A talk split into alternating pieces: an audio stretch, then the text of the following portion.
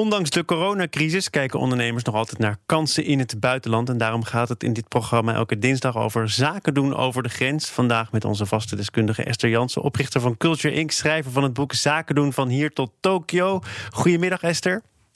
Goedemiddag Thomas. Ik kwam helemaal niet in de buurt van Tokio, want het gaat over Noord-Amerika, oftewel Canada en de Verenigde Staten. Waarom?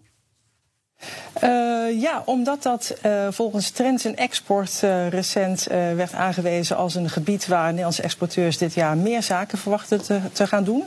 En volgende week vindt er ook een Business Week Noord-Amerika plaats. Dus ik dacht, het is misschien goed om te kijken wat we daar kunnen verwachten. Bovenop de actualiteit. En dan gaat het dus over die combinatie Canada en de Verenigde Staten. Moet je dan maar met vergelijkbare culturen, een taal die ze met elkaar delen, op beide landen tegelijk storten, denk je?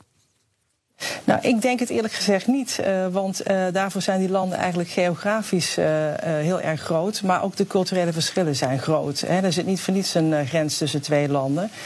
En dat is hier ook het geval. Dat is toch wel spiegelbeeldig. En ja, Canada en de VS hebben natuurlijk een nadrukkelijk andere geschiedenis, andere samenstelling.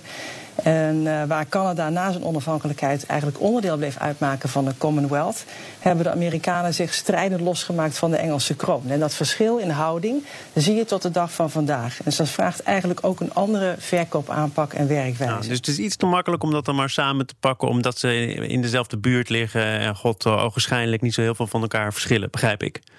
Dat zou je denken, hè? maar dat, ik zou wel het onderscheid maken. Hè? En daar waar wij, als je naar Amerika gaat, ben je misschien, uh, of weet je misschien dat het goed is om een strakke pitch te hebben voorbereid. Maar ja, die strakke pitch die werkt niet uh, in Canada. Hè? Canadezen zijn eigenlijk wat beleefder en wat bescheidener in hun eh, benadering. En dat vinden ze ook fijn.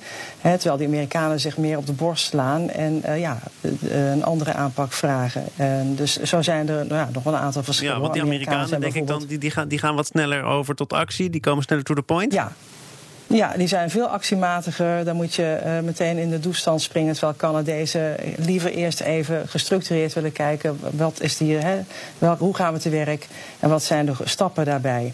En Canadezen gaan eigenlijk veel meer op de inhoud van de zaak. Terwijl Amerikanen weer meer uh, naar de vorm kijken en de quick wins die dat oplevert. En dus ik denk dat Canada, sorry, wat dichter bij Europa staat in dat opzicht. Nou, maar precies dat wilde ik nou net vragen. Want wij zijn Nederlanders. Hè, wij zijn natuurlijk ook gewend om op een bepaalde manier zaken te doen. Uh, die manier komt dus beter uit de verf in Canada, denk jij? Ja, dat denk ik wel. Ik denk dat wij dicht bij de Canadese cultuur staan. Die is ook meer down to earth. Die is wat vriendelijker, wat wij fijn vinden. Uh, Canadezen zijn toleranter, zijn ook wat internationaler georiënteerd in vergelijking met de Amerikanen.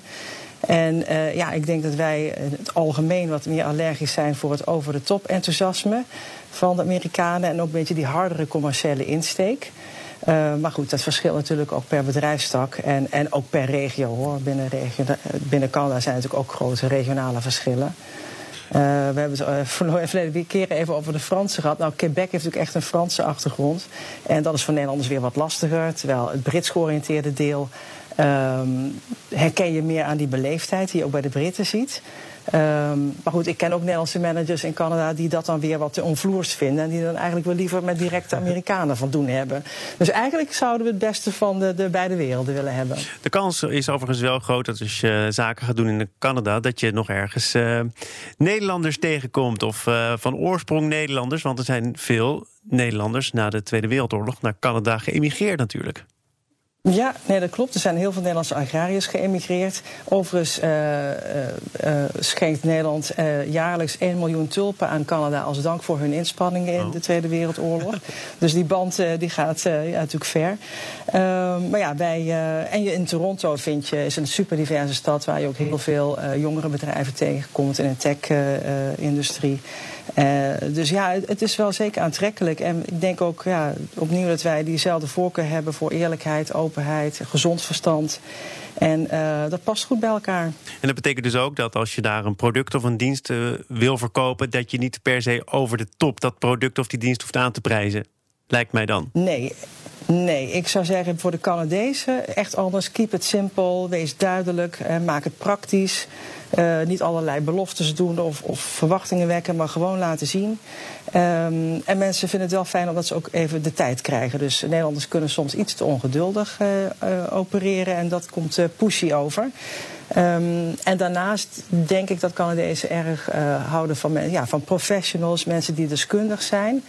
Um, maar andersom is het ook belangrijk dat je dat ruimte en respect geeft aan de deskundigheid van je Canadese contact. Uh, dus daar even wat tijd voor nemen. En uh, niet typisch Nederlands nog even een uh, mogelijk politiek incorrect grapje tussendoor, hè, begrijp ik.